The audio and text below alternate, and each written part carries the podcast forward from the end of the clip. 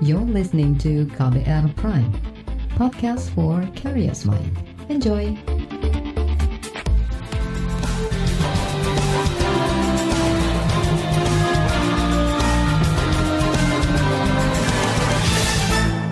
Halo, selamat sore saudara. Apa kabar Anda sore hari ini? Kembali saya Reski Mesanto hadir di KBR Sore. Hari ini tanggal 11 November 2022 dan tentu saja selama kurang lebih 30 menit ke depan, saya siap untuk menjadi teman Anda. Saudara, kasus penularan dan kematian akibat COVID-19 di Indonesia kembali meningkat selama dua pekan terakhir. Peningkatan kasus penularan mengakibatkan tingkat keterisian tempat tidur di rumah sakit meningkat hingga 27 ribu dalam sebulan terakhir.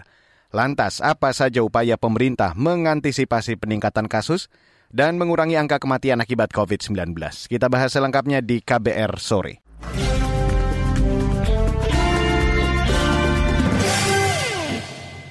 Saudara kasus penularan COVID-19 meningkat selama dua pekan terakhir. Peningkatannya mencapai dua kali lipat pada pekan ini dibanding pekan sebelumnya.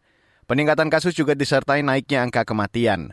Karena itu juru bicara Satgas COVID-19, Wiku Adhisa Smito terus mengingatkan setiap pihak untuk waspada dan tetap menjalankan protokol kesehatan. Dalam enam minggu terakhir, baik kasus positif, kasus aktif, dan kematian mengalami kenaikan kurang lebih dua kali lipat. Indonesia memiliki 30 ribu kasus positif tambahan pada seminggu terakhir, di mana jika dibandingkan pada enam minggu sebelumnya, angkanya berkisar antara 12 sampai 19 ribu kasus positif mingguan.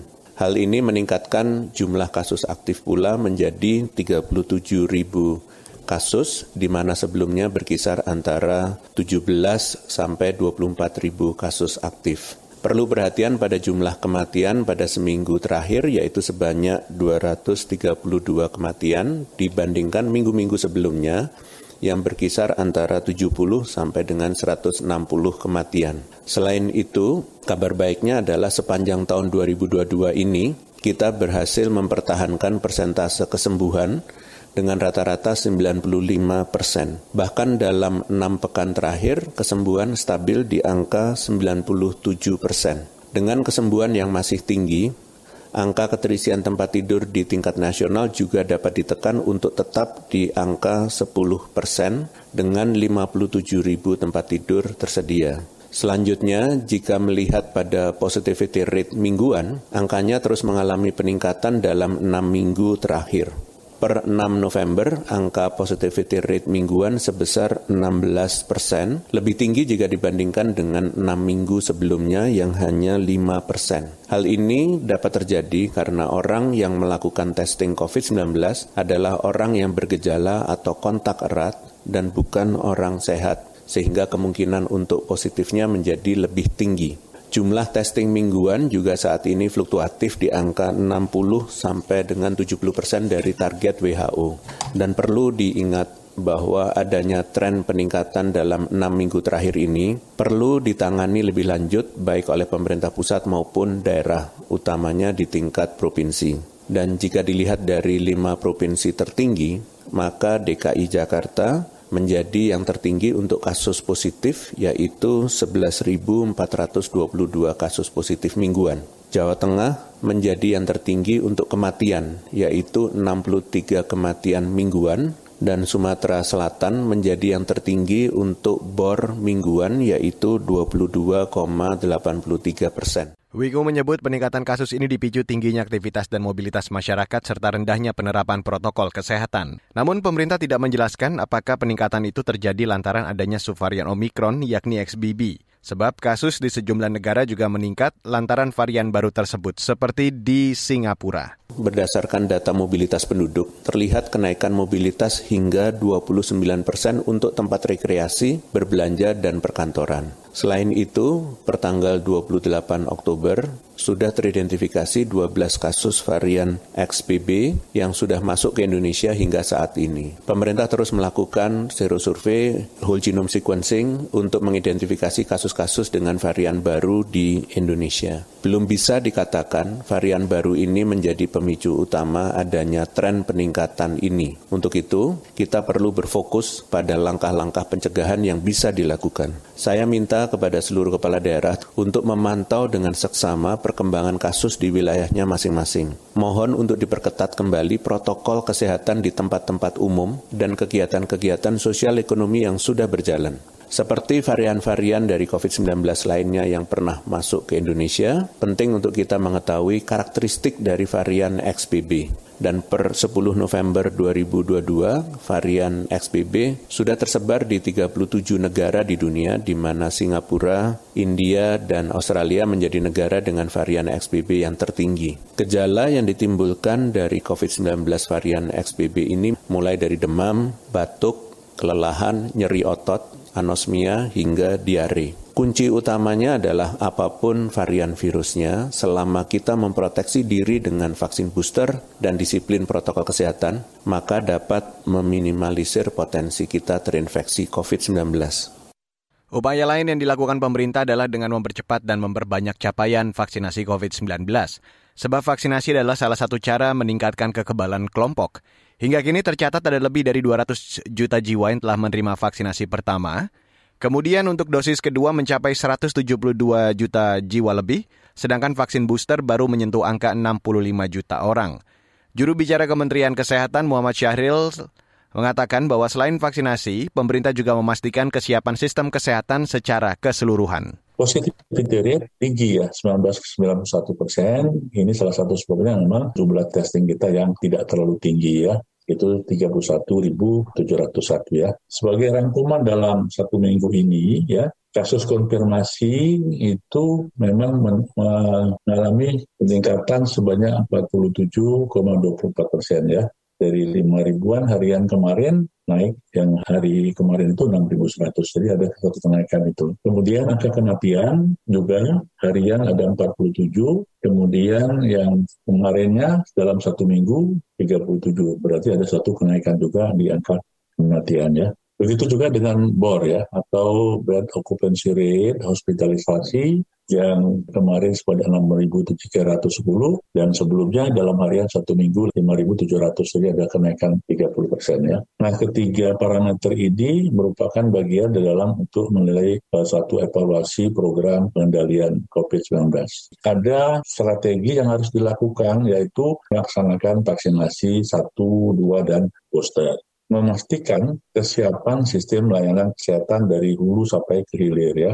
Jadi nanti tidak gagap lagi kita, tidak bingung lagi apabila terjadi umpamanya ada lonjakan kasus ya atau adanya varian baru ya. Kemudian juga tidak kalah pentingnya adalah melihat di lapangan secara real yaitu melakukan testing dan sequencing. Kemudian selalu mempersiapkan antisipasi jika terjadi lonjakan kasus ya. Kemudian terakhir eh, tindakan pencegahan dan pengendalian secara menyeluruh dan berkesinambungan. Hingga kemarin jumlah kasus positif COVID-19 bertambah 6.200-an kasus dengan 37 angka kematian. Di hari yang sama tercatat kasus aktif naik 2 ribuan sehingga total ada lebih dari 45 ribu kasus aktif sedangkan jumlah suspek mencapai 5.800-an orang. Saat ini Kemenkes tengah berkoordinasi dengan berbagai pihak termasuk Satgas COVID-19 dan Dinas Kesehatan DKI Jakarta untuk mengaktifkan kembali layanan isolasi terpusat di Rumah Sakit Darurat Wisma Atlet. Baiklah, setelah jeda akan saya hadirkan laporan khas KBR yang berjudul Bahaya Subvarian Baru COVID-19. Selengkapnya sesaat lagi. You're listening to KBR Pride, podcast for curious mind. Enjoy!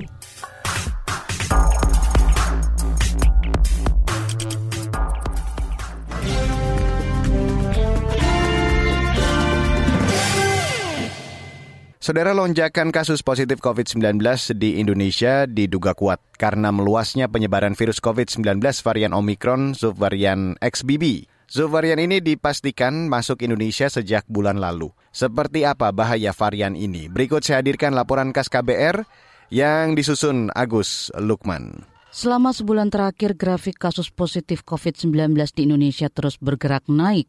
Menteri Kesehatan Budi Gunadi Sadikin mengatakan pergerakan kasus positif meningkat cepat dalam tiga minggu terakhir, didominasi oleh penyebaran virus Omicron subvarian XBB dan kelihatan sekali bahwa subvarian XBB itu cepat sekali naik dominasinya dalam tiga minggu terakhir ini. Ini adalah subvarian yang kita lihat memang ada di Singapura. Menteri Kesehatan Budi Gunadi Sadikin mengatakan virus Omikron varian XBB menyebar lebih cepat dibandingkan subvarian Omikron lainnya seperti BA4 dan BA5. Meski begitu, diperkirakan puncak kenaikan kasus positif masih didominasi Omikron varian B1 yang diperkirakan terjadi Desember atau Januari mendatang. Naiknya grafik kasus COVID-19 membuat pemerintah kembali mengingatkan masyarakat agar tetap waspada dan disiplin menerapkan protokol kesehatan. Wakil Presiden Maruf Amin mengatakan protokol kesehatan harus tetap dipatuhi, sembari masyarakat tetap melakukan aktivitas atau rutinitas untuk membantu menstabilkan roda sosial ekonomi. Agar pemerintah terus mengamati perkembangan, karena itu sampai hari ini belum mengubah status pandemi menjadi endemi karena kita masih terus mengamati sambil juga menunggu petunjuk-petunjuk lebih lanjut dari WHO di Kementerian Kesehatan sedang melakukan uh, pengkajian dan seberapa besar bahaya daripada varian baru itu. Virus COVID-19 subvarian XBB yang merupakan turunan Omikron dinilai memiliki kecepatan tinggi dalam menyebar, di mana mayoritas gejalanya ringan. Dokter spesialis mikrobiologi klinik konsultan Angki Budianti mengatakan, virus COVID-19 turunan dari Omikron ada kemungkinan memiliki kemampuan bersembunyi dari sistem imun tubuh maupun vaksin. Saat ini dua subvarian Omikron yaitu XBB dan BQ1 masih dalam pengawasan WHO. Uh, jadi XBB dan uh, BQ1 ini memang masih tetap dalam pengawasan gitu ya dan sampai saat ini masih menjadi turunan dari Omikron.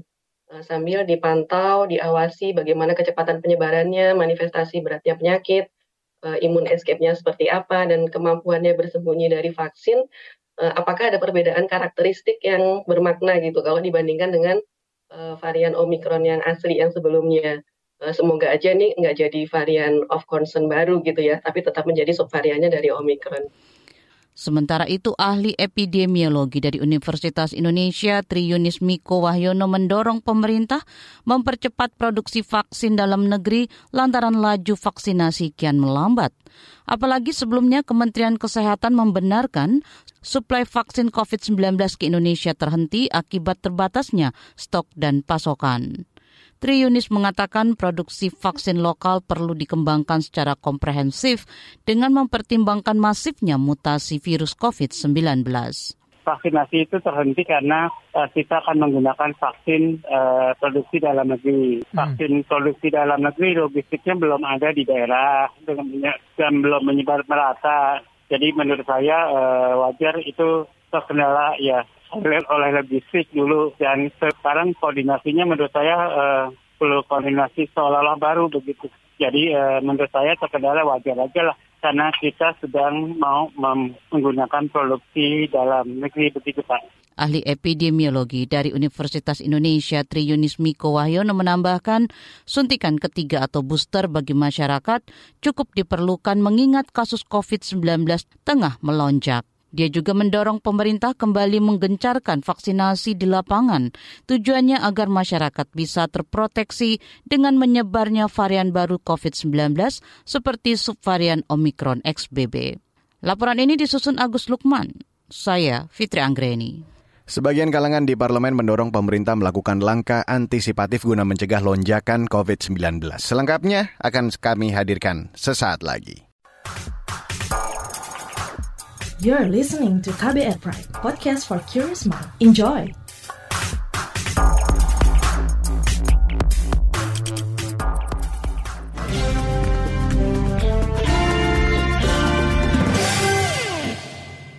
Ya, Saudara Komisi Kesehatan DPR mendorong pemerintah melakukan langkah-langkah antisipatif guna mencegah bertambahnya kasus positif dan angka kematian akibat COVID-19. Anggota Komisi Kesehatan DPR Rahmat Handoyo meminta pemerintah pusat dan daerah bekerja sama menangani pandemi? Uh, ini kasus ini harus menjadikan perhatian kita bersama ya, tidak kepada pemerintah. Nggak bisa hanya pemerintah, ya semuanya. Ya masyarakat, ya pemerintah pusat, ya pemerintah daerah, ya tokoh-tokoh masyarakat. Membuktikan bahwa saat ini kasus naik, membuktikan bahwa kasus uh, tiap hari masih menimbulkan kematian yang signifikan. Saya kira uh, bahwa COVID saat ini masih ada, pandemi masih uh, berbahaya terutama yang berisiko bagi yang berisiko tinggi ya. Nah, saya kira dengan uh, fakta-fakta statistik ini harus ada langkah tepat dari kita semua ya, ya pemerintah pusat, daerah, dan masyarakat. Yang pertama, kepada uh, pemerintah pusat, uh, saya kira langkahnya sudah tepat.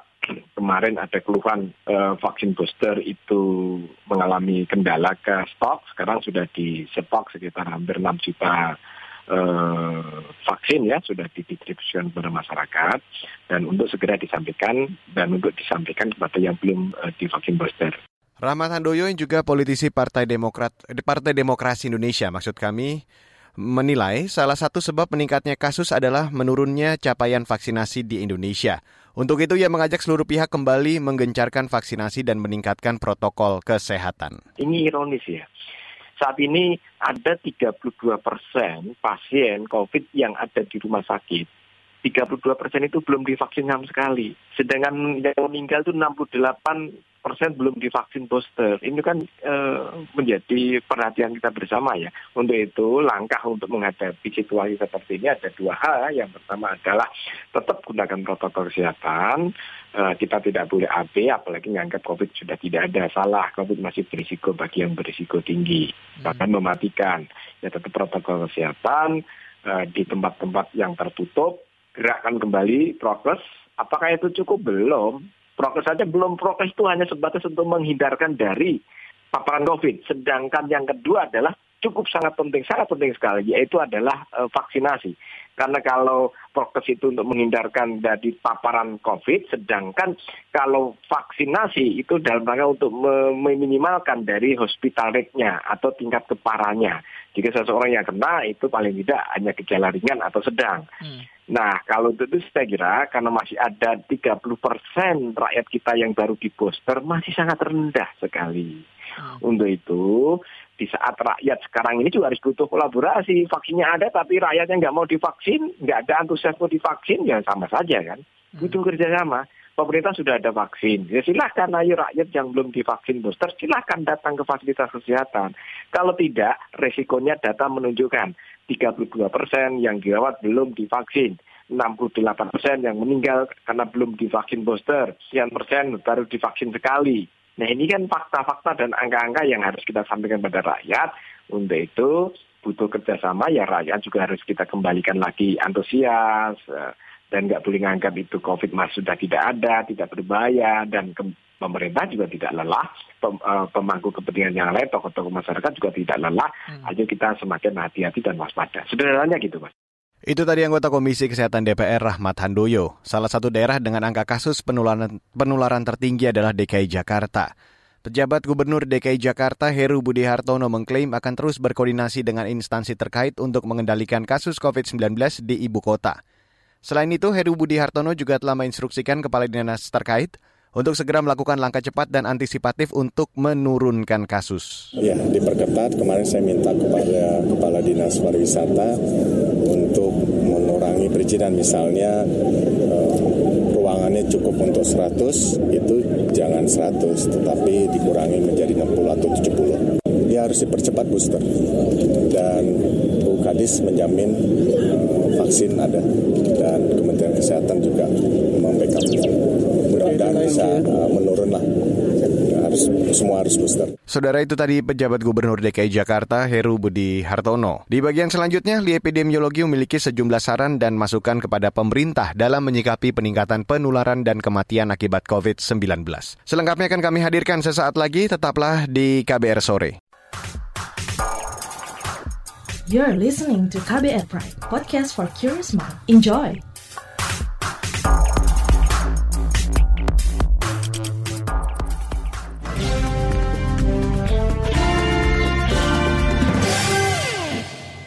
Saudara epidemiolog menyoroti kenaikan kasus penularan dan kematian akibat COVID-19 di Indonesia selama beberapa waktu terakhir.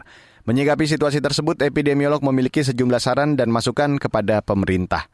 Selengkapnya, saya ajak Anda untuk langsung mendengarkan perbincangan jurnalis KBR Reski Novianto bersama ahli epidemiologi dari Universitas Griffith Australia, ada Diki Budiman. Di tengah eskalasi kasus COVID-19 dan juga angka kematian yang cukup tinggi, menurut Bapak, langkah antisipasi apa yang harus dilakukan pemerintah saat ini? Beberapa kasus menunjukkan bahwa potensi dia menyebabkan terjadinya infeksi sekunder. Artinya karena menurunnya daya tahan tubuh sehingga ini si penderita lebih mudah juga terinfeksi oleh infeksi sekunder ya, bakteri misalnya, atau bahkan mungkin jamur atau virus lain. Itu menjadi uh, situasi kenaikan atau pola tren gelombang pada saat ini uh, tidak bisa diremehkan khususnya pada kelompok yang rawan ya seperti lansia dan anak bawah 6 tahun dan juga khususnya di bawah uh, balita ya dan bahkan batita dengan ibu hamil ya dengan orang komorbid gitu. Peningkatan kasus yang terjadi di Indonesia saat ini di tengah keterbatasan testing ya yang rendah ya ini harus memberi sinyal serius karena berarti ini adalah pola ataupun uh, satu kasus yang mencerminkan fenomena uh, puncak gunung es ya karena berarti missing casesnya atau kasus yang luput dari deteksi ini masih masih banyak gitu. Apalagi dengan kematian di angka 6 ribuan kematian 40 ya uh, 40-an ya dan tetangga kita 6 ribuan kematian di bawah 10-an ya di bawah 5 bahkan itu menunjukkan kita ada masalah serius di sistem kesehatan kita. Ya, ada masalah serius yang belum terselesaikan selama pandemi ini. Dari mulai deteksi dini sampai di masalah rujukan uh, atau uh, upaya me, me, menemukan pasien ini ya. Dan uh, artinya satu kasus kematian ini sebetulnya bisa merepresentasikan lebih banyak kasus infeksi yang tidak terdeteksi gitu. E, nah ini yang artinya kalau tidak diperkuat deteksinya 3T-nya ya e, juga pencegahan lain seperti 5M ditambah lagi bahwa hampir antara 70-80% dari kasus yang terinfeksi ini kan belum di booster ya rendahnya angka vaksinasi COVID-19 di Indonesia, khususnya vaksinasi booster. Apa yang menurut Bapak harus diperbaiki dari hal tersebut? Kenapa sampai saat ini masih banyak yang tidak mau divaksin ya, atau mendapatkan vaksinasi? Bahkan kalau melihat bahkan di vaksinasi dua dosis saja di masih di 80-an persen lah kurang lebih ya itu ya. Sedangkan kalau bicara vaksinasi booster atau dosis ketiga itu nggak beranjak signifikan masih di angka 27 persen. Nah ini salah satunya kalau bicara dari literatur ya dari riset itu akibat strategi komunikasi risiko pemerintah yang lemah atau bahkan mungkin buruk gitu ya. Eh, kepulihannya dua lemah atau buruk gitu. Nah ini juga bisa terlihat dari antara lain bahwa selama uh, pengendalian pandemi ini sering kali nuansa yang disampaikan ya berita komunikasi penyampaian disampaikan pemerintah itu satu lebih bersifat positif positif ya yang membangun. Memang optimisme penting tapi sering kali ya tidak realistis tidak tidak berbasis juga uh, uh, membangun persepsi risiko ya. Artinya kewaspadaannya kurang. Sehingga masyarakat cenderung yang sudah tadi malas atau nggak mau itu menjadi uh, euforia ya merasa aman satu. Untuk mengantisipasi lonjakan kasus COVID-19 di Indonesia, menurut Bapak langkah apa yang harus ditempuh pemerintah? Nah saat ini melihat respon konser ya segala macam ya betulnya tidak menjadi masalah selama konser atau event uh, besar itu memenuhi uh, atau menerapkan protokol kesehatan. Dalam artian prinsipnya adalah yang datang ke situ ya ke konser itu ke event itu sudah berstatus booster dan protek masih protektif dalam durasi proteksi eh, protektif ya. Artinya sejak suntikan ketiga itu masih uh, tidak lebih dari lima bulan atau enam bulan lah maksimal misalnya. Nah itu. Kemudian semua memakai masker. Kemudian setidaknya maksimal sekali satu meter persegi per orang. Itu yang harus dipenuhi. Kalau bisa eh, dua uh, meter persegi per orang wah bagus banget gitu. Tapi setidaknya satu meter per orang. Kemudian dilakukan di ruang terbuka gitu. Dan pengaturan uh, supaya tidak ada singgungan. Dalam artian uh, namanya kontak fisik ya jaga jarak itu uh, dalam artian juga jangan sampai kerumunan keluar. Nah itu yang hal-hal seperti itu ya yang harus dilakukan ya bahkan termasuk ya di era G20 ya apa pertemuan-pertemuan G20. Saudara itu tadi ahli epidemiologi dari Universitas Griffith Australia, Diki Budiman. Dan perbincangan ini sekaligus menutup kabar sore untuk sore hari ini. Saya Reski Mesanto undur diri, salam.